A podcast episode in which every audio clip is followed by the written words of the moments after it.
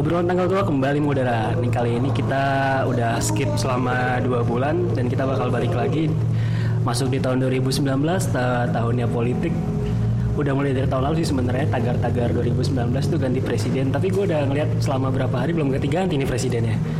By the way, pemilu tahun ini tuh kayaknya bakal rame banget karena dari tahun lalu pun udah udah udah gencar banget nih di promo ini masalah pemilu dan kemarin kita baru aja ngedenger eh, gagasan dari masing-masing paslon di debat pertama soal korupsi, hukum, HAM dan ter- terorisme.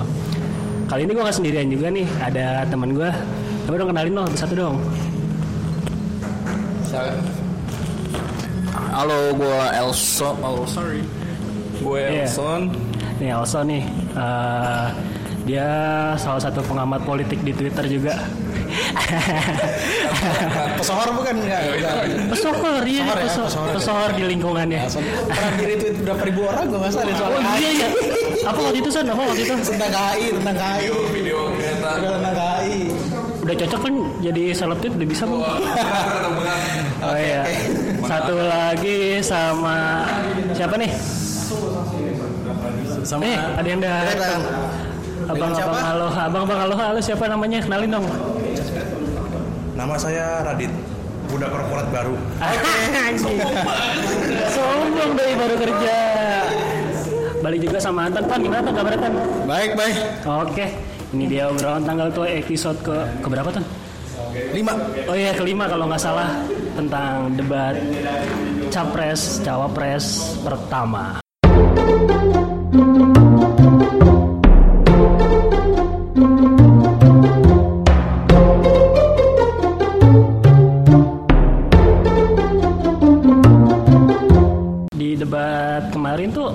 Dibahas tuh lebih ke korupsi hukum HAM dan terorisme ya. Gue pengen nanya deh, eh, menurut lo berdua, Ton, Son, eh sama lo juga mau ikutan nggak? Dit? iya Saya mau hura-hura aja, komentar-komentar aja saya. Oh iya, iya. oke, pokoknya go on go on gue pengen nanya nih pendapat lo soal debat satu kemarin. Lo sebagai lo sebagai pendengar, eh lo sebagai pendengar anjir kan jadi skip. Eh, lo sebagai rakyat, lo ngerasa puas gak sih sama debat pertama kemarin? Ton, lebih kayak ya it's just a show ya nggak sih? Lebih kayak dagelan aja kalau menurut gue pribadi. Iya, karena dua-duanya sama-sama punya blunder. Tetapi kita we- we'll get to it. Tapi intinya ya debat pertama belum memuaskan sih. Karena kan masih banyak yang belum dibahas juga. Ekonomi infrastruktur dan lainnya kan. But overall kalau ngomongin soal uh, debat pertama kemarin ya it's it's no masih kok gue sendiri belum belum diyakinkan sih gitu. Dan nggak puas aja kurang puas sih gitu. What about you son nah iya, gimana Son? Um, frankly, I didn't set any expectation ya. Jadi, what can I say? Uh, gue nggak nonton secara langsung, jadi nggak sempat ngerasain emosi-emosinya. Gue cuma nonton cuplikan-cuplikan di YouTube dan le- poin-poinnya lebih terfokus karena tanpa uh, distraksi dari mana-mana iklan dan lain-lain gue cukup bisa mengerti sih poin-poin yang disampaikan oleh kedua paslon banyak yang bilang hambar tapi ya mau gimana lagi kan udah dibocorin ya Ah iya benar. benar. Oh ya for your for your information. Jadi tahun ini tuh KPU ngasih terobosan baru di mana kisi-kisi soal tuh dibocorin ya, Wah, benar kan ya? Iya benar. Kisi-kisi soal tuh dibocorin ke dua pasangan. Jadi ya sebenarnya kisi-kisi soal, bukan kah? Bukan kisi-kisi doang ya? moderator bilang kisi-kisi doang Oh gitu. Iya, yang gua tahu sih kisi-kisi doang. Jadi apa yang lo denger dari ucapannya para capres cawapres itu sebenarnya ya mereka udah tahu apa yang bakal ditanyain gitu sih. makanya lu gak usah heran kalau misalnya bisa pas di 3 menit terus pas selesai gitu kan itu sangat-sangat jarang terjadi ya dalam Nah, uh, show politik kita nah itu karena menurut gue sih kemungkinan besar karena udah terkonsep sejak awal Tapi menurut lo, eh, ini kan berdebat pertama nih, dan itu dibocorin tuh soalnya. Menurut lo itu tuh efektif gak sih? Karena tujuannya KPU tuh yang gua tahu mereka tuh berharap eh, tidak ada saling serang di an- antara calon calon keduanya nih, calon presiden dan cawapres ini saling serang. Eh, dalam artinya tuh kayak bisa menjatuhkan satu sama lain. Menurut lo tuh efektif gak sih di debat pertama kemarin tuh? Uh, no, it's a no. Karena kalau gue pribadi, ini kan artinya KPU membatasi ada berapa wacana atau diskursus yang akan dibahas gitu kan Iya, betul, betul. melebar melebar dan sebagainya Betul, betul. dengan dalil juga ya takutnya oh jangan nih takutnya ntar yang satu nyerang yang si yang yang nomor satu dan nomor dua nomor dua dan nomor satu gitu kan apalagi kemarin bahasa cukup eh, cukup seru harusnya ya Aha. tentang terorisme tentang ham gitu tapi KPU menurut gue di sini membatasi itu menurut gue agak bertentangan dengan konsepsi demokrasi yang sama ini di apa ya digalak, digalakkan yang kita tahu dari konsep demokrasi itu sendiri ya nggak sih karena if you talk about demokrasi you, you can talk about anything gitu. Iya. Lu bisa bahas tentang apa aja, lu nggak ada no boundary gitu lah.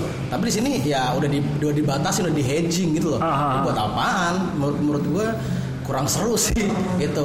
Ya terlepas dari tadi Elson bilang apa harus KPU-nya nggak- apa bikin timetable gitu ya. Jadi jadi biar apa? biar debatnya pas sesuai gitu. Iya. Ya mungkin bisa aja takut nyewa studio kelamaan ntar bayar tambahan casan kan. Sewa- Tahu kayak sewa ya. hotel, Mahal sewa. tuh, iya. Iya, Bidakara mahal. Oh, Bidakara ya. Iya. iya. ya itu, itu menurut gue sih kok lu gimana son dulu son? Ah, coba San. menurut gue yang hilang dari dengan dibocorkannya kisi-kisi pertanyaan adalah otentik otentik. Jawaban yang otentik dari tiap-tiap paslon gitu. Jadi sekarang gini kalau misalnya lo menyaksikan sebuah gue nggak tahu mungkin lomba lah ya. Kita bisa bisa ibaratkan ini sebagai kontes kan lomba Iya. kan lo pengen tahu lo pengen cari siapa pemenangnya gitu kan. Dan lo jadi jurinya gitu kan. Lo pasti berharap bahwa peserta-peserta kontes ini genuine punya pemikiran yang genuine yang ketika misalnya itu dihad- dia dihadapkan pada suatu eh, obstacle tertentu dia bisa langsung cari alternatif solusinya gitu loh. Ah. Nah itu yang nggak muncul dari dibocorkannya soal gitu. Karena ketika udah dikasih kisi-kisi, gue nggak tahu sih ya gimana realitanya, tapi gue selalu punya feeling bahwa nggak mungkin nih kayaknya kalau cuma berdua doang ini yang yang apa namanya yang mikir gitu. Pasti ada berbagai macam kepala juga nih di balik soal tiap-tiap soal. Jadi jawabannya ya nggak otentik dari dua Iya paslon ini aja gitu. Takutnya dan itu yang sangat-sangat disayangkan sih menurut gue Oke, tapi gue juga ngerasa gini sih. Gue gue sepakat sama lo berdua. Kalau lo berdua tuh mungkin lebih secara secara apa ya? Simpulan tuh kayak lo kecewa kan ya sama KPU soal keputusan ini kan ya soal rule baru Pretty ini. ya. Gue pribadi gue ngerasa kayak gitu karena gue ngerasa eh, gini. eh gue ngerasa ini malah jadi kayak apa ya? Kayak kayak panggung gembira gitu. Maksudnya kayak cermat. Nah bener Kejar cermat masih mending kawan kadang Terus apa? nggak dikasih kisi-kisi ini tuh lebih kayak lo bener-bener apa ya eh, lebih kayak panggung gembira aja kayak inaugurasi aja mereka berdua tuh cuman kayak nampilin apa yang kayak reality show aja. Nah bener bener bener kali juga banyak sih kayak reality show juga sih cuma em, beruntung eh, setelah kita apa kita berusaha apa kita kita bertiga ini nggak sepakat ternyata KPU juga mendengar kayaknya. Ini langsung mendengar dan kita dapat berita kalau setelah evaluasi debat pertama kemarin tuh di debat kedua ya itu nggak bakal ada kisi-kisi lagi oh great buat great. That's a good capres dan cawapres. Karena menurut gue lebih natural aja sih ya nggak sih kalau menurut Indeed, yeah. lebih natural kalau nggak pakai kisi-kisi dan kita kayak tahu secara apa secara real gitu loh kemampuan mereka berdua gitu. Buat swing voters ya itu menurut menurut gua swing voters yang rasional ya itu tuh menurut gua lumayan penting. Artinya ketika lo benar-benar mempertimbangkan eh, apa namanya menjadikan rasionalitas dari tiap-tiap orang itu sebagai bahan pertimbangan. Ah. Ya cuma di debat yang spontan itu lo bisa menilainya. Lo Ah. nggak bisa menilai dari mana-mana lagi. Kalau misalnya eh, apa namanya sarana untuk mencari tahu eh, spontanitas cara berpikir jagoannya aja Ah. udah ditutup duluan di mana lagi para swing voters ini harus cari pertimbangan kan? Oh iya kalau ngomong swing voters nih lo swing voters juga san Eh, iya dengan kecenderungan swing swing voters dengan kecenderungan cenderungan oke lo lo Tan, lo gimana tan lo Gue sampai saat ini masih memutuskan buat nyoblos logo KPU sih. Sampai gitu. saat ini. kalau gue beda gue nyoblos logo dildo aja Atau dildo. Oh, dildo. Oh, ngomong soal dildo nanti kita skip nanti kita bakal bahas soal dildo khusus Eh, kali ini gue pengen ngebahas lagi masalah oh ya setelah debat capres, capres kemarin tuh banyak banget komentar masalah eh, nomor satu ini banyak contekannya nih di bawah. Nomor dua ngomongnya spontan. Tapi yang gue lihat ini lebih kayak apa ya asal ceplos-ceplos aja. Menurut lo gimana ton? Contekan itu efektif nggak sih? Dan dan menurut lo tuh itu tuh bener-bener real murni dari si kepala nomor satu itu nggak sih? Nggak ada yang pernah tahu sih itu isi kepala siapa sih? Ya itu bilang takutnya takutnya itu malah apa karena ini udah dibocorin soal tadi yang bilang tadi Ah. takutnya itu kertas kecil itu takutnya ditusin sama tim ses tim sesnya di itu kan bukannya Jokowi itu setahu gue ada pelatih debatnya sendiri gitu kan Iya, Ada iya. Kubunya Prabowo juga ada. ada kan SBY langsung yang ngelatih. oh iya iya Ya harusnya sudah mahir karena yang melatih mantan presiden langsung. Tapi gue ngerasa gini sih. Ngomong-ngomong soal uh, kalau Jokowi ngomong tuh kan selalu pakai kertas ya selama ini ya. Yang kita lihat kalau dia pidato atau apa tuh selalu pakai kertas kan. Tapi menurut gue justru itu tuh apa ya? Gue melihat tuh sisi humanisnya seorang presiden tuh di situ karena gue ngerasa gini. Lo sebagai presiden, pikiran lo pasti bercabang kan ngurusin A, B, C, D. Tidur lo mungkin gak, gak kayak kita yang bisa 6-7 jam sehari kan. Iya. Pasti mereka tuh bercabang. Buat pidato tuh kapan sih lo sempat ngurusin pidato? Dan menurut gue itu tuh sisi humanisnya seorang manusia tuh di situ sih. Gue ngerasa tuh kayak apa ya? em, ya contekan itu tuh sebenarnya apa yang ada di kepala dia. Ya ini gue nggak tahu itu dibuat sama dia atau sama siapa cuman ya. Tapi menurut itu sisi humanisnya seorang presiden tuh di situ sih. Tapi kalau misalnya lu lihat debat-debat presiden lain nih, Pak, karena ini gue cross check juga ya. Lu pernah ngeliat ada nggak sih yang mungkin pas lu lihat kemarin Trump, Hillary atau ke- mungkin kemarin kalau saya Erdogan juga sempat ya atau sempat udah udah udah Ah. pemilu ya di Turki juga sih atau eh, whatever lah di debat-debat uh, pilpres di belahan dunia lain itu ada nggak sih emang pakai kayak Jokowi gitu? Karena paman gue kayaknya nggak ada deh. Bahkan setol-tolnya Trump aja, Trump aja masih spontan-spontan aja. Ya I know it sounds crazy gitu kan dia emang ngomongnya agak ngaco juga. Tapi kalau perhatiin Trump aja tuh ngomong tuh berapa yang diomongin pada awalnya biar berhasil meyakinkan banyak swing voters juga gitu ya. Ah, sampai akhir itu ya, ya, you, you get the point. tapi ya itu karena agak menurut gua agak embarrassing aja sih menurut gua masa lu Oke. pakai contekan-contekan segala Tapi belum tentu gue gue sebenarnya lebih kayak kurang fair sih sebenarnya kalau satu pakai contekan satu nggak pakai contekan. oke karena apa ya namanya kayak karena gue mikir kayak oh yang nomor dua nggak pakai contekan tapi yang akhirnya kok malah dia ngobrolnya malah kayak as-as bun gitu asal-asal bunyi doang dan Eh, kayak good, good point sih ya. nah ya kan Lu kan lucu banget. Maksudnya kayak Ya, gue nggak tahu sih mana yang lebih lebih mind blowing ya. Maksud gue kayak ini tuh soal udah dikasih kisi-kisi masalah nyontek nggak nyontek mah itu bukan prestasi anjir. Maksud gue kalau misalnya lo nggak nyontek ya itu karena lu udah udah lu tanam semua di kepala lu ininya. Karena lu udah tahu nah itu loh yang bikin jadi nggak menarik ketika dikasih kisi-kisi gitu. Itu nggak genuine genuine thoughtnya mereka enggak. Ada pasti ada gue yakin banget nggak tahu kenapa gue yakin Itu- banget itu pasti itu, orang lain udah, pasti. udah digodok itu tuh. Konsep-konsep itu tuh pasti udah digodok. Gue juga sepakat sih masalah oh iya Dit lu mah nyumbang suara juga kayaknya. Nih gimana gimana menurut lo Kalau menurut saya, menurut gua sih ya nyontek-nyontek itu fair-fair aja ya. Dalam artian gini, apa mau disebut kat- kalau kata teman-teman bilang ini bukan kualitas presidennya sendiri tapi kerja tim sukses. Menurut saya itu itu nggak masalah. Ini hanya masalah moral kita melihat pandangan kita melihat karisma seorang presiden kan orang macam-macam. Tapi kalau saya pikir hal yang kayak gitu sih nggak masalah karena presiden pasti akan membentuk pemerintahan dan punya tim sendiri dan punya visi misi bersama tim ses itu. Saya pikir ketika tim ses berusaha menciptakan jawaban baik untuk apa namanya presiden yang dia usung pasti ke depannya bakal dilaksanakan juga di pemerintahan yang seandainya jika menang ya. Are you sure? ya maybe. Kan hanya harapan. Untuk swing voter tapi menurut saya nggak masalah lah. Itu adalah wujud partisipasi politiknya tim sukses kan? Oke mungkin ini out of context tapi ya gue bilang tadi karena lagi-lagi nagi gue agak sedikit nagi janji Jokowi pas lima tahun lalu ya Iya, tentang nawacita itu juga. Dia pun salah satu poin yang paling gue inget yang memutuskan kenapa gue bisa milih Jokowi lima tahun lalu. Ya gue lima tahun lalu milih Jokowi sekarang belum tahu. Nah dia tuh pengen nyelesain kasus-kasus pelanggaran HAM masa lalu oh itu menurut gue itu that, that takes balls gitu loh dan dia dia berani gitu loh. Menurut gue itu itu udah oke banget dan itu udah alasan cukup buat gue memilih dia pada saat itu. Ah. tapi kenyataannya sampai sekarang ya nggak nggak nggak nggak mari-mari juga nggak kelar gitu loh. Itu makanya gue bilang tadi ke Radit are you sure apa lu yakin dia bakal ng ngakuin gitu? Terlepas entah itu Jokowi entah itu Prabowo gitu.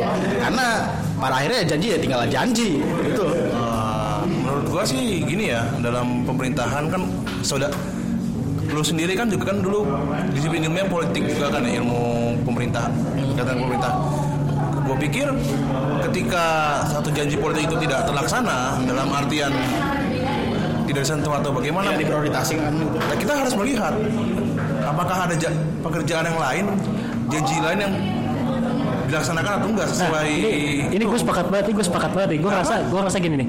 menurut lo nih ya lima tahun pemerintah tuh cukup nggak sih buat nyelesain kasus ham yang ada selama ini No, yang Ya, udah udah nggak- nggak bakal sih. Emang nggak bakal cukup. Emang gak bakal cukup. But at, at least, at least hal paling kecil kalau menurut gue ya, dia temuin lah tuh yang pada pakai payung hitam di kamisan, kamisan setiap hari Kamis di depan istana itu udah udah sampai ke 500 500 kali. Kan udah Udah pernah di oh sorry. Udah koreksi. pernah, Jokowi udah pernah. Nemuin peserta si kamisan tapi then again hanya sekedar menemui mereka itu bukan jawab bukan penyelesaian. Artinya kalau misalnya untuk menemui peserta aksi kamisan tuh Jokowi bukan presiden pertama. In fact SBY udah pernah melakukan itu. 2008 2007 kalau nggak salah. SBY udah pernah menemui peserta aksi kamisan dan Jokowi juga pernah waktu itu yang finally di Twitter sempat ada kok trendingnya Jokowi menemui peserta aksi kamisan kalau nggak salah gitu. Oke. lo lo semua nih ya ini ini ini.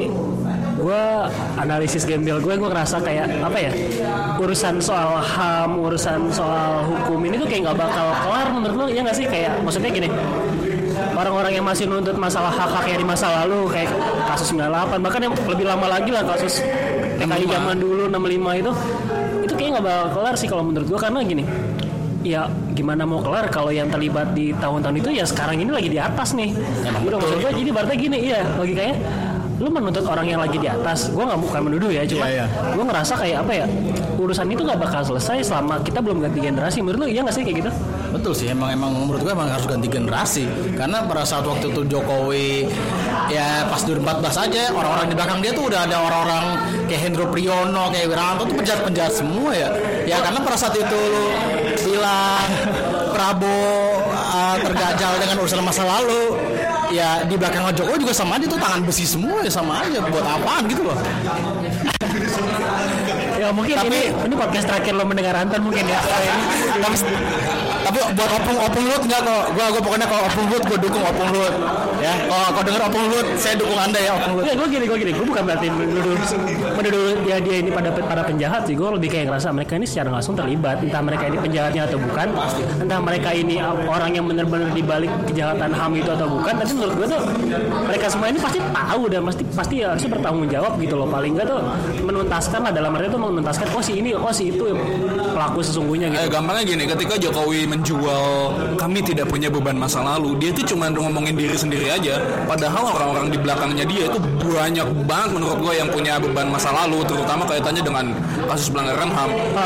Tapi gue pernah baca satu teori pemikiran yang yang gue kayaknya cukup setuju bahwa untuk kita me- mengexpect eh, pelanggaran HAM masa lalu ini bakalan selesai itu kayaknya masih cukup jauh. Selain karena tadi yang dibilang sama Abai bahwa pelaku-pelakunya itu sekarang sedang di atas furthermore selama menurut gue eh bukan menurut ya menurut yang gue dengerin ya selama pelakunya ini masih hidup kita nggak bisa berharap bahwa ini akan selesai. Benar, benar, artinya lu, lu- gue nggak gue lupa ya angkanya tapi lu boleh cross check eh, setelah setelah Holocaust itu Jer- eh, pemerintah Jerman akhirnya mengakui kejahatannya yang mereka sendiri lakukan sorry pemerintah Jerman mengakui kejahatan yang mereka lakukan Ah. Iya. bahwa mereka telah membantai berapa juta Yahudi itu Ah. itu mm, kayaknya kalau gua nggak salah itu jauh setelah para pelakunya tuh udah nggak ada gitu. Nah, itu maksud gue tuh Nah, kayak gitu. Jadi jadi untuk bisa berdamai dengan masa lalu, kadang lo harus nunggu pihak-pihak yang terlibat di masa lalu itu Udah pergi ada. dulu, Ah. pergi dulu, baru lo bisa berdamai dengan masa lalu gitu. Sa- sayangnya sih gue ngerasa kayak gini. Oke kita kita ngomongin kita ngomongin kejahatan di tahun era orde baru dulu itu kan banyak banget kan. Maksud gue Oke si si presiden eh, udah udah nggak ada nih. Tapi kan sekarang kita turun lagi ke anaknya, turun lagi ke anaknya. Itu yang menurut gue tuh malah gak bakal habis ya nggak sih? Kalau menurut gua enggak. Jadi jadi harusnya eh, kalau misalnya cukup berani, nggak urusan sama anaknya. Jadi ketika pelakunya udah habis, maksudnya udah pada meninggal gitu, ya udah diusut aja gitu. Atau kalau misalnya mau lebih gila lagi, ya usut aja secepatnya gitu. Tapi menurut gue, kayaknya untuk menyelesaikan kasus-kasus pelanggaran HAM di masa lalu itu sejauh ini nggak lebih dari sekedar komoditas jualan aja. Benar, Siapa benar, yang benar, bisa menarik untuk menarik perhatian dari mereka-mereka yang memang punya interest terhadap isu ini gitu. Nggak lebih. kan diulang diulang-ulang mulu kan Ah. repetitif jadinya kayak gini setiap setiap pemilu nih buat jadi bahan.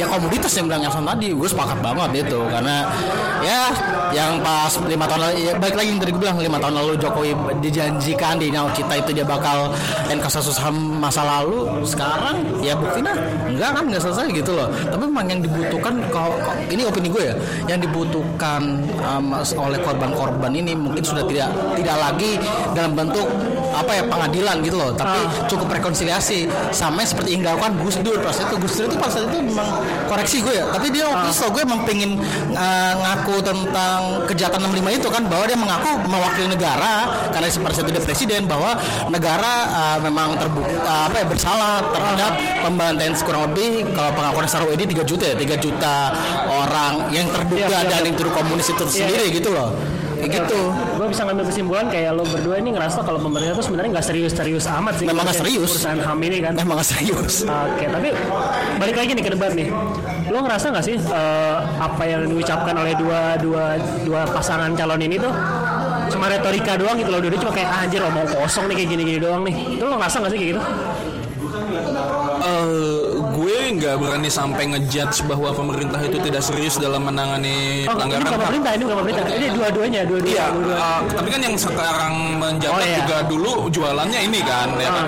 Eh, tapi menurut gue kayaknya ya tagline-nya selama ini kan menolak lupa. Ah, iya, oke.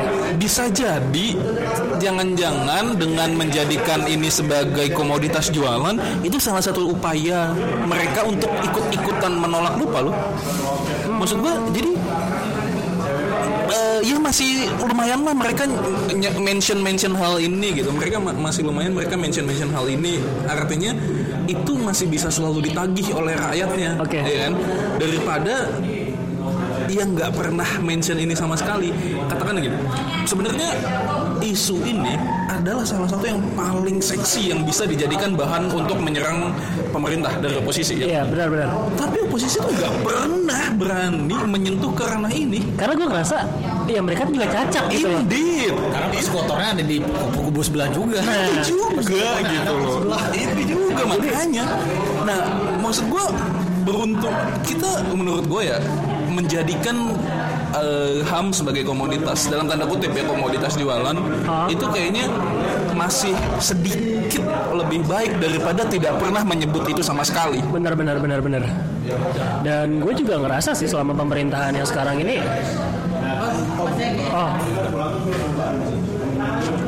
Ya, gue juga ngerasa selama pemerintahan sekarang ini bukan kasus HAM yang lama-lama terselesaikan, malah nambah lagi kasus HAM baru lagi. Nah, itu. mulai dari nah itu baik mulai dari persekusi yang semakin banyak, mulai dari apa ya? Gua nggak- gua nggak mau ngomong persekusi masalah tokoh agama ya, karena menurut gua apa ya ini ini pendapat pribadi gue loh persekusi tokoh agama tuh kayak mereka tuh playing victim aja gitu loh dan ini tuh lebih kayak apa ya agenda politiknya mereka aja sih tapi eh, yang persekusi yang gua gua tarik kesimpulan di sini tuh kayak persekusi terhadap orang-orang yang berusaha memperjuangkan hak-haknya mereka gitu loh kayak siapa tadi kan yang lo sebut eh, tambang itu siapa? Iya, eh, kasus kriminalisasi Budi Pego kan. Ah, Jadi iya. yang belum tahu Budi Pego ini kan dia aktivis lingkungan Ah. yang memang berjuang eh, memperjuangkan eh, hak tambang di apa tambang tupang pitu di Banyuwangi. Ah. Ini yang singkat gue ini eh, Budi Pego ini udah memperjuangkan eh, tambang tersebut tuh udah dari kita kuliah lebih kita 2015 16 something itulah. Terus Iya. gue di Banyuwangi itu emang udah diangkat ini gitu. Aha. Di, di era Jo- di era Jokowi ini eh, yang celakanya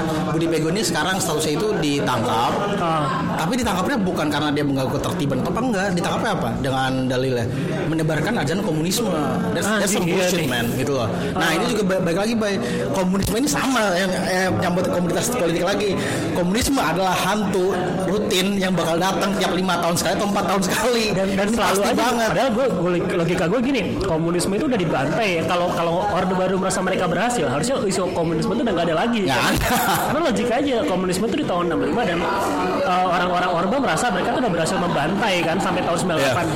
dan kenapa tuh tahu sekarang dibahas lagi dengan menuduh si A ini komunis si A ini nyebarin paham ko- komunis sampai buku-bukunya tuh ditarik ya anjir ini Iya. konyol sih anjir Pelar- pelarangan buku kemudian kayaknya kalau masalah pelarangan buku kemudian pembubaran diskusi ini dari zaman dari zaman eh, 2014 15 itu bukan udah yang udah mulai udah lama sih ini Bay gitu. Nah, tapi sekarang eh, berita terbaru kan kemarin kayaknya ada di Padang sama di eh, gue lupa di Jogja kalau nggak salah ya. Itu udah toko eh di Kediri, itu ada toko buku yang digerebek itu kan. Iya, gue tahu tuh. Tapi ironinya to- eh, toko buku yang digerebek ini kalau lihat ada ada ada fotonya kalau gue lihat ada di Tempo kalau nggak salah ya.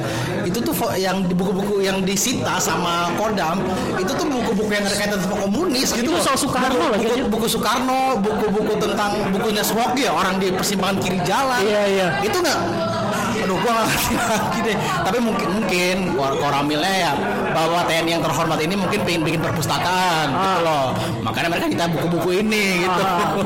Oh tapi gini nih, ini kita terlalu jauh sih ya sampai ngebahas komunis. Cuma gini, balik lagi ke isu HAM. Lo ngerasa nggak sih kalau selama pemerintahan Jokowi ini apa ya kayak KPK tuh banyak dapat serangan dalam artian kayak mereka tuh kayak nggak bebas gitu loh. Ini kan soal persoalan hukum juga nih karena secara gue gue pribadi ya gue pribadi tuh ngeliat KPK selama zaman Jokowi ini aktif banget. Aktif dalam artian mereka dibebasin buat OTT.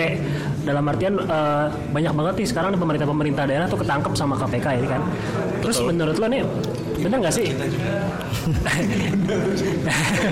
Bener gak sih kalau kalau apa namanya selama Jokowi ini KPK tuh kayak nggak tenang kerjanya karena well let's say kayak novel novel Novel. novel kena kena serangan terus yang terbaru kemarin siapa dua dua petinggi KPK juga kan rumahnya kena bom molotov. Agus Raharjo ya, gua gua nggak hafal lama ya. Ya, Agus Raharjo ya rum- rumahnya sempat Iya. dilempar bom molotov tau gue di Ah. Jati Asih tuh. Menurut lu menurut lu Lison eh, ini tuh kayak bukti kegagalannya pemerintah Jokowi dalam melindungi para penegak hukum gak sih?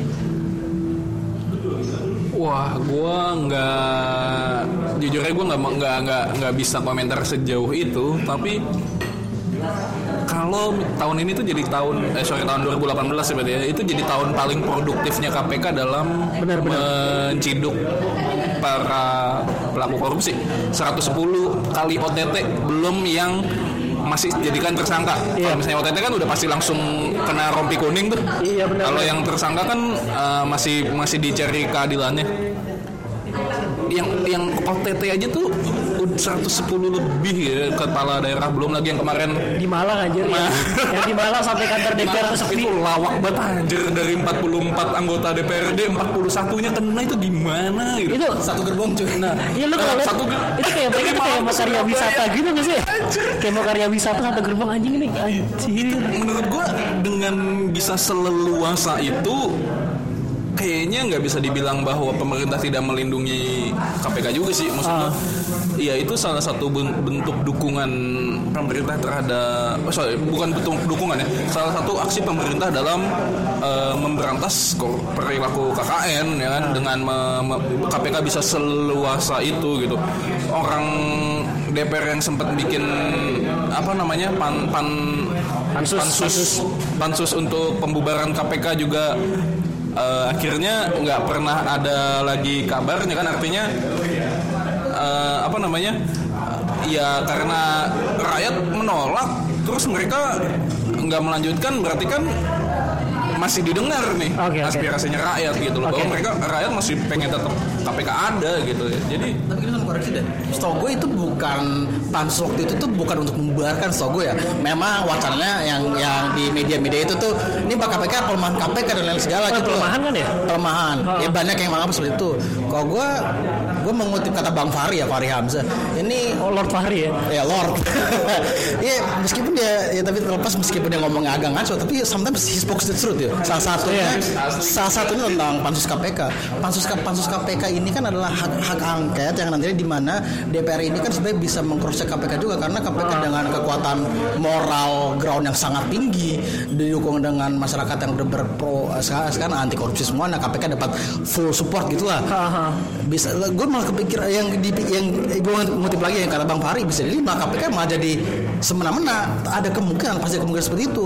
Fungsi hak angket KPK adalah fungsi cro- apa cross check Ah, jadi ah, ah. DPR juga bisa mengcross check badan-badan yang ada di KPK gitu. Takutnya ada dewan-dewan mereka yang mungkin main, main dua kaki apa gimana Ah. gitu kan kayak gitu juga sih. Jadi kalau gue agak nggak sepakat tadi Elson bilang apa eh, pembubaran ya enggak kayaknya nggak sampai segitunya sih ya, gue gitu. salah berarti gue oke ya, kayak gitu ya. Nah, lanjut terus? Eh, sama ini balik lagi ke debat sih.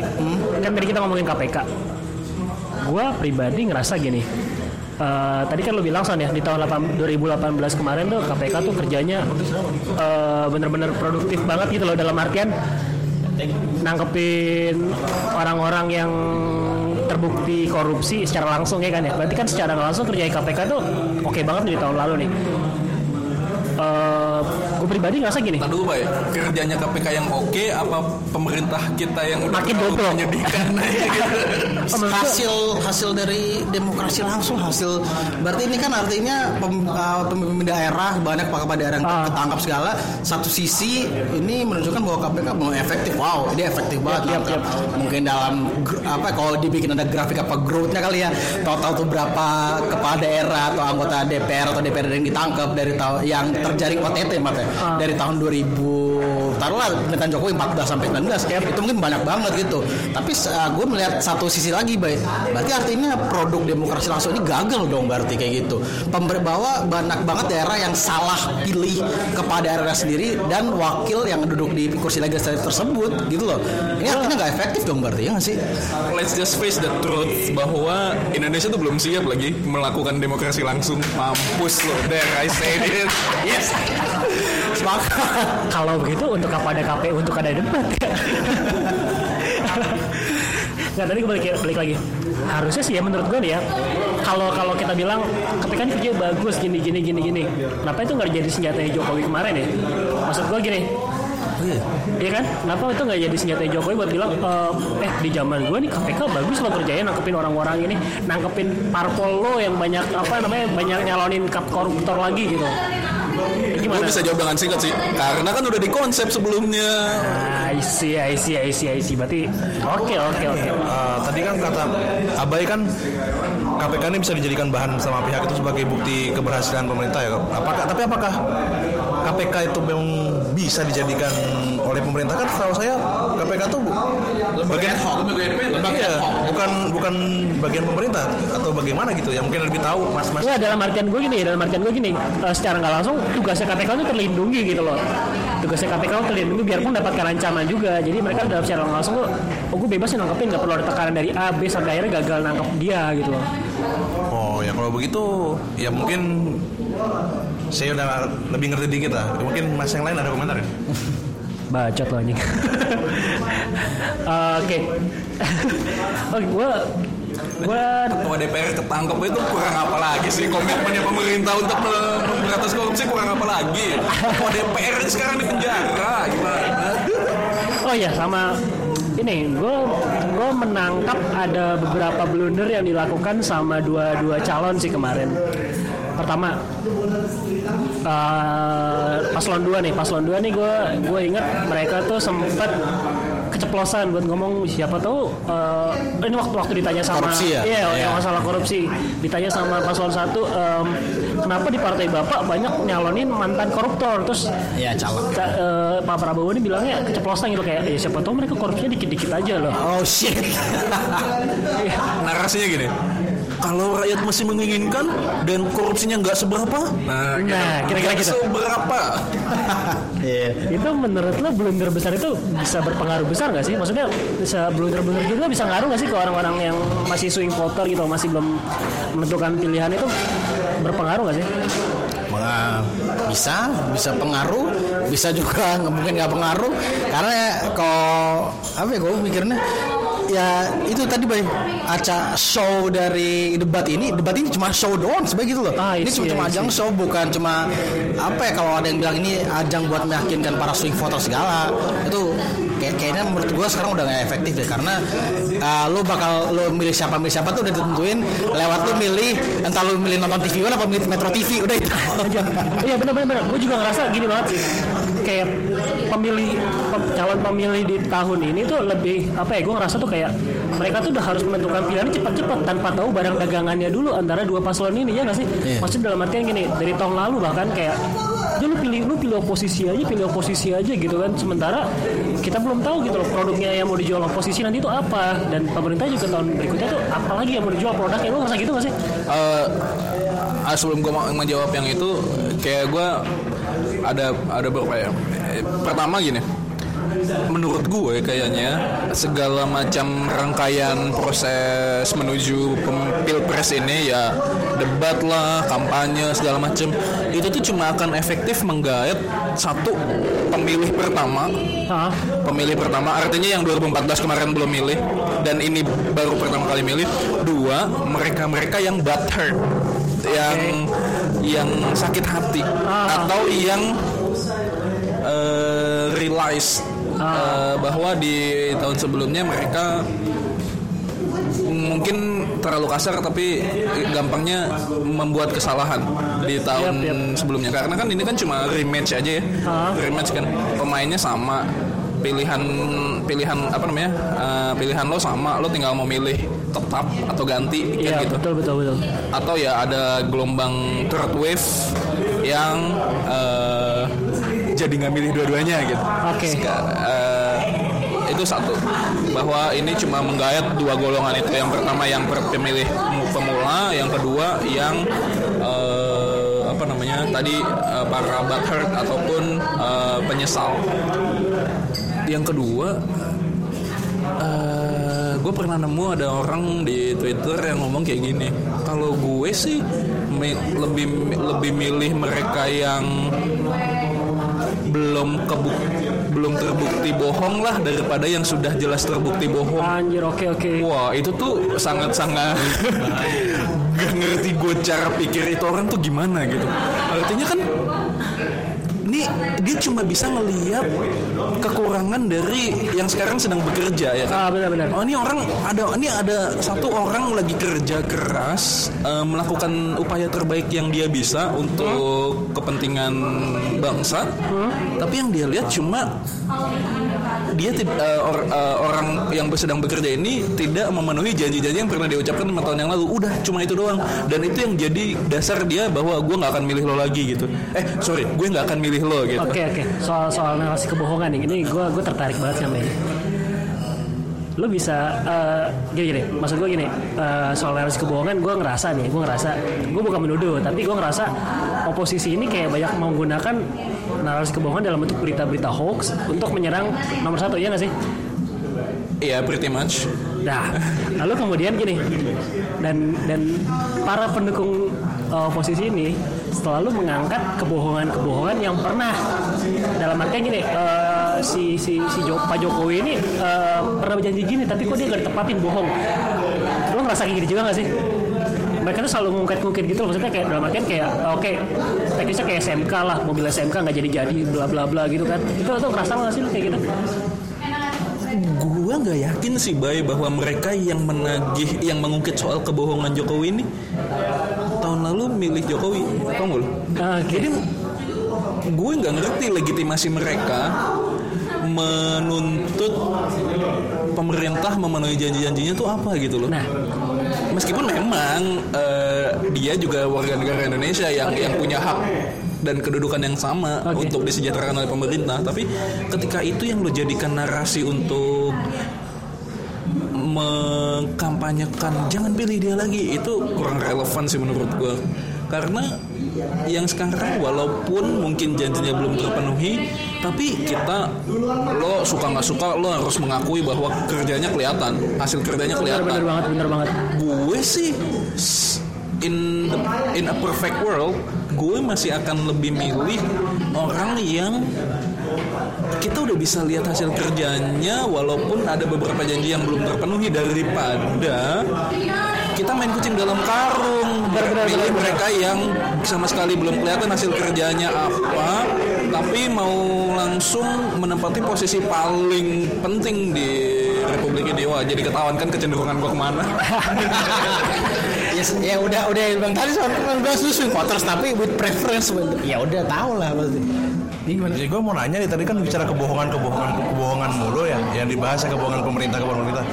Cuma kadang-kadang gue sebagai gue memposisikan diri gue sebagai orang biasa yang nggak tahu misalnya orang kampung lah ya. Iya. Sebenarnya apa sih yang disebut dengan kebohongan pemerintah? Gue pikir apakah ketika suatu program kerja itu nggak terlaksana, tidak Bener, bener. terrealisasi, apakah itu disebut kebohongan? Bener bener bener, gue gue Sekarang gini. gue sepakat banget nih. apa namanya dalam suatu organisasi dalam suatu kantor pabrikan atau apa pun kan ada program kerja dan semuanya nggak mungkin misalnya satu perusahaan punya target penjualan sekian dalam beberapa tahun. Tapi tidak tercapai. Tapi mereka melakukan upaya di situ. Ah. maka ketika tidak tercapai target tersebut maka itu tersebut bohong. Menurut gua pribadi ya dari masyarakat biasa ya gua kagak terlalu itu ya menurut gua bukan suatu kebohongan. Karena selama ini meskipun tidak ada realisasi yang nyata dalam artian benar-benar full terrealisasi Aha. paling nggak di awal-awal mereka sudah menyentuh paling nggak sedikit Yap, yap. jadi menurut gua gua kadang-kadang suka bingung dengan kata-kata kebohongan-kebohongan yang suka dilontarkan oleh ya orang-orang inilah gitulah Gue bocahmu bos, bocahmu. Nggak, gue juga pribadi nggak gitu sih. Ini ini apa yang mereka sebut, apa yang oposisi sebut sebagai kebohongan lebih kayak apa ya? Sebuah janji sebenarnya belum terrealisasi aja ya nggak sih? Maksudnya dalam artian gini. em, Oke, gue langsung ngambil contoh kasus SMK lah mobil SMK. Sekarang kalau pemerintah nih eh, berusaha memaksakan SMK lolosin aja deh produksi aja mass production aja langsung eh, cuma buat memenuhi janji politik. Ngerasa kayak belum tentu SMK bakal laku di, di pasar. Iya makanya dalam artian gini, gue rasa pemerintah juga pinter-pinter gitu loh dalam artian memilih memilih janji mana yang mesti ditepati dulu dan bukan berarti pemerintah bohong ya nggak sih? It's only skill of priority Nah, betul. gua. Yang jauh lebih mendesak daripada memproduksi mobil nasional adalah menyamaratakan kesejahteraan. Benar, benar, Itu benar, jauh benar. lebih mendesak. Oke, bener banget sih gue sepakat banget sih soal itu sih. Oke ya ketika ra- lo tahu rakyat lo di pelosok masih belum dapat listrik tapi lo malah mewujudkan ambisi lo mewujud apa memproduksi mobil nasional hanya demi memenuhi janji politik agar lo tidak Iya. kehilangan konstituen itu jauh lebih go gitu ya. Gue untuk ukuran pemerintah kita kita kita kita ini yang di kota ini kayak rada egois gak sih? Maksudnya dalam asli artian asli. Gue I can't agree more. Dalam artian kayak yang di pelosok ini masih banyak loh buat infrastruktur tapi mereka tuh kayak mikir em, apa buat apa kita makan infrastruktur gitu loh? Sekelas ketua BEM salah satu PTN paling baik se Indonesia ngomong kita tidak makan infrastruktur. Oh my gosh. Gue bahkan nggak tahu kualifikasi untuk jadi ketua BEM PTN sekelas itu apa gitu oh yang gitu ya oh, jadi bahas jadi bahas kasihan kasihan dia sudah tenang dia sudah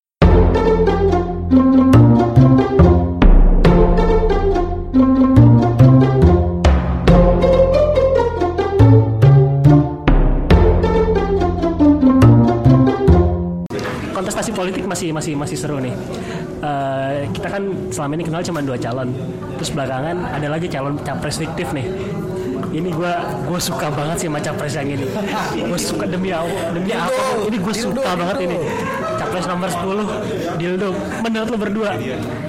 Menurut lo berdua kehadiran capres fiktif ini kayak gimana sih? Menurut lo berdua pandangan lo berdua gimana? Ya, awalnya memang sebagai sebuah meme kan, It- it's a meme, meme buah atau satir, ya? ya, shit post satir terhadap kontestasi politik Indonesia yang di mana ya presi, apa calon-calonnya juga ya dengan visi misi yang menurut gue ya normatif. Ah. Kemudian menurut gue dari kedua pasangan tidak baik dari Jokowi juga ya sebagai petahana, gue yang gue sempat udah baca program-programnya juga nggak ada yang revolusioner juga, yang maksudnya nggak ada yang wow banget gitu loh. Sem- ya kemudian yang si satunya itu lagi Ah. Prabowo tuh ya dari pasangan nomor dua Prabowo, eh, Prabowo dan Sandi ini juga tidak menawarkan apa ya inovasi-inovasi atau diskurs-diskurs yang menarik yang bilang tadi mereka mempromosikan diri mereka sendiri dengan ngulik-ngulik kesalahan dari petahana Bener banget, bener sedangkan banget. mereka tidak menawarkan konsep yang baru gitu loh Itu dia. Ah, swing voters swing voters ini malah jadi apa ya enak malah ngeliatnya cringy banget gitu loh Ah. itu ah, sih Nih Pak Prabowo, Pak Jokowi dengerin Pak. kita nih ya, kita nih butuh inovasi Pak. Kita nih butuh solusi dari masalah yang Ya, ada. contohnya legalisasi ganja misalnya Eh, saya sudah. tapi tapi itu ngomong soal dildo balik lagi soal dildo ya dildo itu kan mengangkat banyak banget uh, keren ya, banget sih asli. program-program kerja yang menurut gue itu revolusioner revolusioner ya salah satunya memang dia kan komedi komedinya sedikit agak porno porno gitu kan Oke. gitu contoh yang gue baru lihat tadi itu ada namanya zakar namanya ya Oke, zakat untuk tanah rakyat Itu itu keren sih. ada tuh kalau gue uh, lupa detailnya seperti apa tapi kalau lihat di twitter sih ya. Itu sebenarnya mirroring uh, bukan mirroring sorry. itu Projecting. pro- projecting sama per- uh, mirip dengan konsep reforma agraria yang ditawarkan oleh Soekarno pada saat dulu. Gitu loh. Ini ini jenius banget menurut gue sih itu keren banget sih konsep yang tawarkan itu kemudian juga program legalisasi ganja atau mungkin program-program revolusioner lainnya yang kedua pas paslon ini nggak berani buat tawarin sodorin gitu loh Lo berdua ngerasa nggak sih kalau sebenarnya tim sesnya Dildo ini lebih keren daripada tim Oh, sesnya jelas. paslon 1 dan 2? bukan orang goblok yang bisa sih Ini pinter sih ini sebenarnya ya menurut gua kak eh, kemunculan eh, apa namanya pasangan capres cawapres fiktif dildo ini tuh itu tuh kayak menjadi sebuah harapan bahwa ada loh sekelompok orang yang ternyata cukup dewasa cukup mengerti untuk me- menunjukkan kekecewaan mereka atau mungkin rasa jenuh mereka terhadap kontestasi politik yang sudah sangat membosankan dan mungkin saja mencapai pada titik jenuhnya sehingga mereka memunculkan eh, eh, sehingga da- eh, ketika menurut mereka aspirasi mereka tidak terwadahi mereka bikin wadah sendiri dan ternyata banyak yang mau masuk ke wadah tersebut gitu. Nah, ke orang-orang inilah yang menurut gua kita bisa berharap kita bisa berharap sama orang-orang yang ada di balik layar ini. Artinya eh, kita masih punya harapan bahwa ternyata mungkin aja memang oh sorry Indonesia udah lumayan siap berdemokrasi secara sehat. Ini cerminan orang-orang itu ya. Iya. Menurut gue sih gitu. Gue juga ngerasa ini kayak apa ya kayak kejenuhan orang-orang sama riuhnya politik yang bahkan Iya, ya, sepakat, sepakat. kayak udah curi start dulu ada nggak sih sampai ada yang berantem sampai mindahin makam cuma gara-gara beda pilihan politik kan Iya, iya. jadi tuh kayak orang-orang itu orang-orang cerdas yang apaan sih lo berdua ngurus politik? Nih ada cara lagi satu yang lebih keren nih gagasannya gini gini gini. Ya gak sih? Kayak ini tuh aduh anjir ini bentuk capeknya masyarakat sama Iya politik sih. yang ada sih. Memang memang sebagai sebuah meme memang apa ya gue liat dia juga berani banget gitu ber- ber- dengan tagline tagline gitu loh dan dia berani ngangkat contohnya kayak tidak ada korupsi tidak kalau tidak disebut negara itu gandeng anarkos anarko anarkos di Indonesia tuh pada bersatu semua tuh langsung tuh sama quote yang tentang Karl Marx Iya tentang Marx gitu loh. Iya. Sih. Dildo berani mengangkat wacana-wacana tersebut gitu loh. Dia seorang Marxis juga seorang uh, anarko gitu loh, se- seorang uh, mengangkat anarkis. Ini keren banget sih. salut salut untuk Edwin yang berani membuat seperti ini sih. Iya, ini- gue juga salut sama Pak Nur Hadi karena beberapa kali gue nonton interview tentang dia tuh dia orangnya legowo nggak sih maksudnya dalam artian eh, ya nggak apa-apa muka gue lu pakai muka gue lu korbanin aja buat Iya benar-benar. buat aspirasi lo pada gue gue kelas gitu loh dan dan dia pun kayak apa ya kayak ya udah gue nggak masalah itu kreasi kalian itu Nggak masalah kan tidak menimbulkan keributan gitu Ah. kan. Dia pesannya itu aja kan. Pesannya Pak Nur Hadi itu. biarpun sempat apa akun Instagramnya pernah pernah pernah apa sih pernah kayak di band juga ya kan Iya. terus si siapa si Edwin juga pernah blunder Iya. juga ngerasa tetap aja gitu loh Nur Hadi Aldo ini kemasan politik yang paling menarik dan yang paling inovatif saat ini ya nggak sih Ternyata tukang pijet tuh bisa lebih dewasa daripada seorang tokoh politik nasional yang Ratus- itu fotonya dijadikan meme langsung dilapor-laporin tuh akun-akun. 100% setuju. Oh, by the way, ngomong-ngomong soal tukang pijat ya, gue gue sempat baca juga backgroundnya Hadi. Dia cuma lulusan SD cuy. Dia cuma lulusan SD, tapi menurut gue cara dia ngomong itu jauh lebih berkelas dibandingkan mereka-mereka yang Banget, banget sih. Mereka-mereka yang duduk di kursi di Senayan. Iya, he is such a humble guy terus pikiran juga dewasa banget. Asli sih dia. Udah bener dah kalau Pak Nur Hadi sama Pak Aldo mau nyalon bener dah. Gue bener-bener ngobros. Saya cuma Katanya di balik foto masing-masing capres tuh ada fotonya mereka. Jadi siapa pun yang lu pilih nanti tetap dildo presidennya. Oke, kalau gitu. Lo ada keinginan nggak sih buat bikin kotak suara baru gitu buat Dildo doang seorang gitu? Ini btw masnya caleg dari Dildo juga kan? Eh, oh iya, kalian semua nggak tahu ya gue. oh iya ya. Gue capres Dildo loh gini-gini. Gue pernah membuat. Sebentar gue buka, gue buka, gue. Caleg. Oh iya. Iya, iya. capres ya. Caleg, gue caleg juga dari Bentar, gue pernah bikin juga nih soalnya meme-nya nih. Hmm, ntar gue cari dulu ya. Ini program kerja gue nih ya. Yang Iya pertama. terus gue juga lihat di internet di Twitter tuh lama ya komen Twitter. Iya. Ini Twitter tuh banyak banget loh gue ngeliat tuh banyak meme-meme calak-calak di lu ini bertebaran gitu loh. Dengan nga- dengan ngusung apa program kerja yang nyeleneh yang yang Iya. benar apa yang kotor kacir pokoknya berberdagelan banget. Ini tapi juga pernah dibahas di gue lihat ada artikel di Vice bagaimana fenomena Nur Hadi Aldo ini membangkitkan apa ya namanya gairah atau birahi dari anak-anak muda ini yang tadinya ogah-ogah untuk berpolitik atau mereka pada rela udah gue nyalak aja gue nyalak dah gitu ini artinya that's something gitu loh. That's gue salah Thank you satunya Edwin, thank you Pak Nur Hadi, thank you Pak Aldo. gue salah satunya nih ya. Gue sempat gue sempat nge-share juga nih masalah program-program gue nih. Perkenalkan nama gue Sukonto Laksono es irup es krim. Program kerja gue yang pertama memberdayakan pengangguran sukses melalui ormas cerdas. Kedua ekspor orang-orang orang-orang kurang cerdas ke Antartika. Ketiga ini gue nyontek yang ketiga nih. Wan Desa Wan Lapo disingkat Odol. Ini tuh anjing ini tuh bener-bener menurut gue kayak wadah gue buat pengen jadi caleg dengan mimpi gue tuh pengen bikin begini-begini ya gak sih? Iya, yang gue bilang tadi baik membangkitkan gairah anak-anak muda yang tadinya ogah-ogahan terhadap politik, mereka Iya, ah, mau lagi ikut campur. Lah ngapain sih ikut campur politik? Tapi Nur Hadi Aldo ini membangkitkan, ya udah, gue gue mau deh jadi caleg Nur Hadi Aldo gitu, caleg nomor 10 gitu loh. Ini ini menarik banget gitu loh, hebat loh, gitu. Woi ngomong-ngomong soal capres fiktif nih sebenarnya ada yang pernah kejadian. Gue pernah dengar gue pernah baca satu berita di, negara Islandia atau Finlandia gue lupa. Sekitar tahun 2008 lah, 2008 atau 2009 gitu. Itu kan lagi krisis ekonomi ya dan salah satu dari dua negara itu gue lupa deh. Itu tuh bener-bener kayak hancur gitu secara ekonomi dan masyarakat tuh udah nggak percaya pemerintahannya. Sampai akhirnya ada salah satu komedian itu bener-bener kayak gini kejadiannya. Dia tuh bener-bener apa namanya? Gue gue bikin ini nih kayak apa capres-capres tandingan deh. Buat gantiin apa pemerintah yang ada. Dan pada akhirnya setahun atau dua tahun kemudian dia nyalonin jadi gubernur dengan partai fiktif yang dia buat. Bener-bener loh ya tapi dari partai fiktif jadi pa- partai real dan akhirnya dia kepilih cuy Oh iya, lu bayangin. Keren banget sih. lu bayangin gimana kerjanya nanti. Gua gue cuma berharap gue cuma berharap gini. Jangan sampai ini kejadian di Indonesia karena se sepinter-pinternya Pak Nur Hadi ngurus ngurusin aja tuh gak gampang cuy. Iya. Merasa anjir. Oke oke. Ada lagi ya mau dibahas kan nih Ton? San soal Ini gua mau gua nggak gua gua selalu punya pemikiran ini, tapi gua nggak tahu di mana harus mengungkapkannya. Mudah-mudahan ini jadi platform yang tepat. Menurut gue segala macam referensi lo soal perpolitikan sekarang di tahap tertentu menjadi tidak relevan lagi dengan segala fenomena yang ada. Artinya politik referensi itu udah jang, udah pada titik tertentu udah jadi tidak relevan, digantikan dengan politik preferensi. oke Nah, orang-orang yang udah punya preferensi di kancah politik,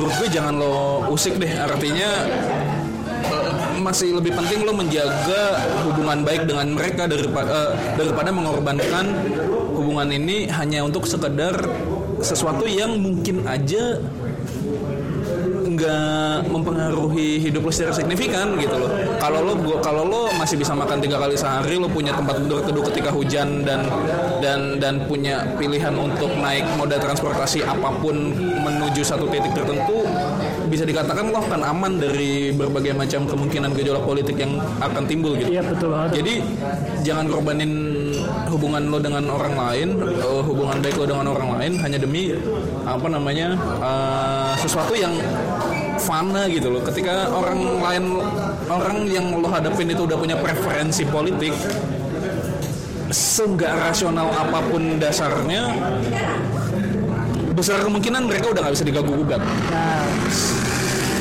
tuh dengerin tuh buat lo, lo yang masih suka ngeledekin cebong, suka ngeledekin kampret lo dengerin tuh. ya, jangan sampai kita tuh jadi nggak harmonis cuma gara-gara beda pilihan doang. Sekarang susah banget juga btw gue gue pribadi eh, apa su- kalau foto tuh ya lebih preferensi tuh orang kan banyak yang pada jempol-jempol tuh pose om-om banget kan. Iya, Kalau gue gue gitu loh, gue gitu. Loh. Gua- gua sekarang Oh tadi fix omong berarti. Nah tapi la- lanjut tadi sekarang kan udah ada gestur nomor satu nomor dua kan sempat dilarang gitu ya. Iya, pada pose-pose gitu ya. Menurut gue itu too much banget sih kalau gitu. Iya, Kayak berlebihan sih. Karena gue pribadi gue kalau foto tuh kadang kalau nggak kalau nggak ngerti mesti pose senyum doang. Gue biasanya kalau disuruh misalkan disuruh ganti pose ganti pose, gue biasanya nyampein ya peace jari peace apa dua gitu loh. Terus sekarang udah susah karena gue pernah ini kejadian true story gue pernah contoh foto sama anak kantor kayak gitu, pose gue kayak gitu. Terus ada yang pernah nyamperin dong, maksudnya kayak ngobrol-ngobrol gitu. Mas, ini nomor dua ya. What the fuck man? mungkin mungkin gini cuma dari gestur jari anjing. Eh, ini ini true story cuy. Baru kemarin kejadian di kantor gue. Kebetulan gue kerja di lembaga pemerintahan ya. Terus ada eselon satu tiba-tiba datang ke ruangan gue. terus kebetulan kami lagi selamatan gitulah jadi ada tumpengan gitu nah kebetulan banget nih gue nggak tahu kebetulan atau, atau memang diundang eselon 1 nih tiba-tiba datang nah karena eselon 1 datang ke ruangan gue otomatis eselon 2, 3, 4 tuh banyak yang ngeriung di situ kan untuk gue nggak tahu for the sake of eh, ngajeni for the sake of eh, paying respect gitu Nah, terus adalah biasa sesi eh, foto bersama. Ini literally eselon satu gue berpesan, tolong jangan pakai jari-jari ya posenya. Anjir. Mungkin gini, mungkin gini. menyentuh ranah itu Polarisasi banget sih.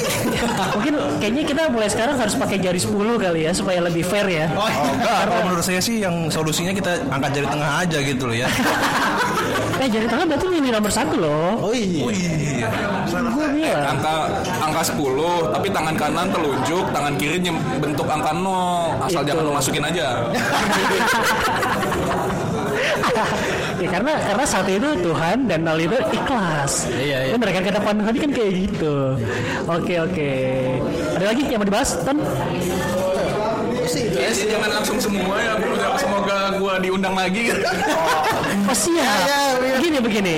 Gue gue pribadi berencana debat ini masih ada empat kali. Mungkin ada empat kali lagi ya di episode kayak Oh iya masih ya. ada empat kali lagi ya? Masih ada empat kali lagi. Oke, oke. Gue pengen dong terakhir dong em, pesan lo deh terakhir buat em, closing statement buat para pemilih-pemilih nanti dan para pendukung yang terlalu fanatik. Ton, gimana ton? Menurut lo, ton? buat yang fanatik gue secara general aja kali ya Boleh, boleh. secara, secara general kan ya lu udah pada lihat kemarin kayak gimana uh, pas debat pertama itu debat pertama menurut gue tuh baru appetizer lah gitu loh benar. itu kalau kalau anggaplah ini uh, apa ajang buat berbagai menarik swing voters gitu ya. Paham. Ya, Swing voters tau gue tuh uh, terakhir dari datanya carta politika tuh masih ada sekitar 18 persen itu. Yep. Itu itu itu lumayan banyak sih gitu loh. Dan elektabilitas Jokowi terakhir itu masih di angka 52, 52 sekian kalau nggak salah ya. Ah. Itu sampai sekarang juga nggak naik-naik gitu loh. sangat mungkin untuk uh, ini ya apa berbalik situasinya. Betul, Sangat, ma- sangat, masih sangat bisa sih. juga gitu. Ataupun malah nanti 18% ini malah ya kayak yang ke nomor 2 ke Pak Prabowo gitu. Itu juga masih masih masih banyak possibility itulah. Ah. Atau bahkan ya 18% ini ya bak- bakal di angka golput. Totalnya segitu bisa. Dildo, milih dildo. Oke, dildo. ya tadi tahu bilang nanti tadi. elektabilitas di dunia naik jadi 100 persen. Kita nggak tahu. kan? oh iya kan milih milih dua-duanya sama aja. Iya. Dua-duanya iya. Ya, anyway tadi Pak. Jadi masih banyak waktu uh, kalau gue pribadi sampai saat ini preferensi ya gue masih bakal mutusin buat milih kotak suara lambang KPU lambang KPU karena menurut gue dua-duanya belum bisa meyakinkan gue gitu loh Oke. tapi nggak tahu nanti sampai dibeli suara ya gitu Ah. tapi kalau kalian masih yang masih pada bingung ya udah take your time gitu loh karena ini barangnya baru sediain baru mungkin baru baru setengah doang gitu loh be- Ah. bahkan baru seperempat Ah. belum benar-benar ditunjukin seluruhnya gitu Benar, benar. masih ada waktu sampai April ya masih ada waktu sampai April jadi ya just just take your time terus ya enjoy aja terus enjoy dalam artian jangan fantik-fantik juga itu penting tuh Nah. ini nggak usah ngapain sih yang gue bilang tadi terpolarisasi sampai pose foto aja yang sekarang dilarang jari-jari segala gitu loh ini udah ini udah kelewatan banget sih kayak gini ya lu biasa aja lah udah nggak usah lagi ada bongpret bongpret gitu lah Cebong kampret. Gimana son? Itu son? Closing statement dong. Buat para calon pemilih swing voter dan orang-orang yang terlalu fanatik. Nah, terutama untuk ini kalau yang ada yang ngedengerin ada yang pemilih pemula nih. Eh, Iya, golput emang nggak dilarang sih. Itu sesuatu yang legal, Eh, hak lo juga gitu. Kan mem- em, apa namanya mencoblos itu hak, tidak mencoblos juga hak, ya kan. Tapi kalau bisa tetap datanglah ke TPS terus ingat asas pemilu kalau lo masih gue nggak tahu ini masih diajarin ya di SD tapi gue ingat sih, asas pemilu tuh lo berdurdil eh, lo nggak kalau misalnya lo nggak mau ikut-ikutan kecemplung di berbagai macam keributan ini ya udah rahasiakan aja pilihan lo. Lo nggak perlu eh, menunjukkan siapa yang lo pilih. Eh, karena ini bisa ada potensi perpecahan di dalam keluarga juga Eh, gue gue gitu, gue soalnya gitu. aduh aduh. Gue hampir gue. curhat telur curhat telur. Nah, eh, rahasiakan pilihan lo. Eh, ya tapi yang penting lo datang aja ke TPS perkara lo mau kayak Anton milih logo eh nyoblos logo KPU-nya nggak apa-apa. Yang penting lo menggunakan hak pilih lo. Eh, karena men lo sebagai warga ini salah satu kesempatan nyata lo sebagai warga negara ikut menentukan arah gerakan negara lo ke depan tuh mau gimana tuh salah satunya melalui pemilu ini. Ini salah satu keistimewaan kita bahkan US aja pemilu langsung tapi nggak secara langsung menentukan hasil loh. Ada electoral vote kan. Ada, ada, nah, ada.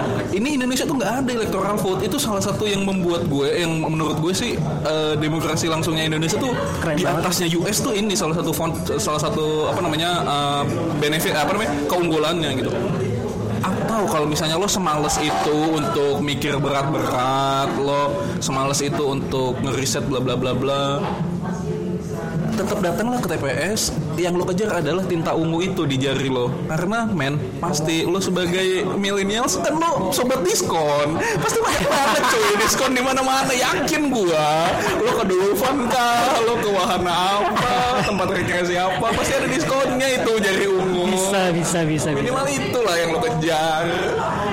Oke, oke, oke. Sobat Kismin kan kita semua. Oke, gue sepakat sama berdua, gue berdua. Eh, intinya gue cuma berharap jangan ada yang golput sih. Datanglah lo ke TPS karena kalau lo nggak datang sayang sih. Takutnya suara lo kepake dan Iya, dan balik lagi kalau bisa rahasiakan deh pilihan lo itu apa supaya nggak ada keributan lagi karena asas pemilu itu ada lu berjurdil langsung umum bebas rahasia jujur dan adil gitu sih dari gue Eh, gue Abai Gue Anton. Gue Elson. and we are signing out bye bye Bye.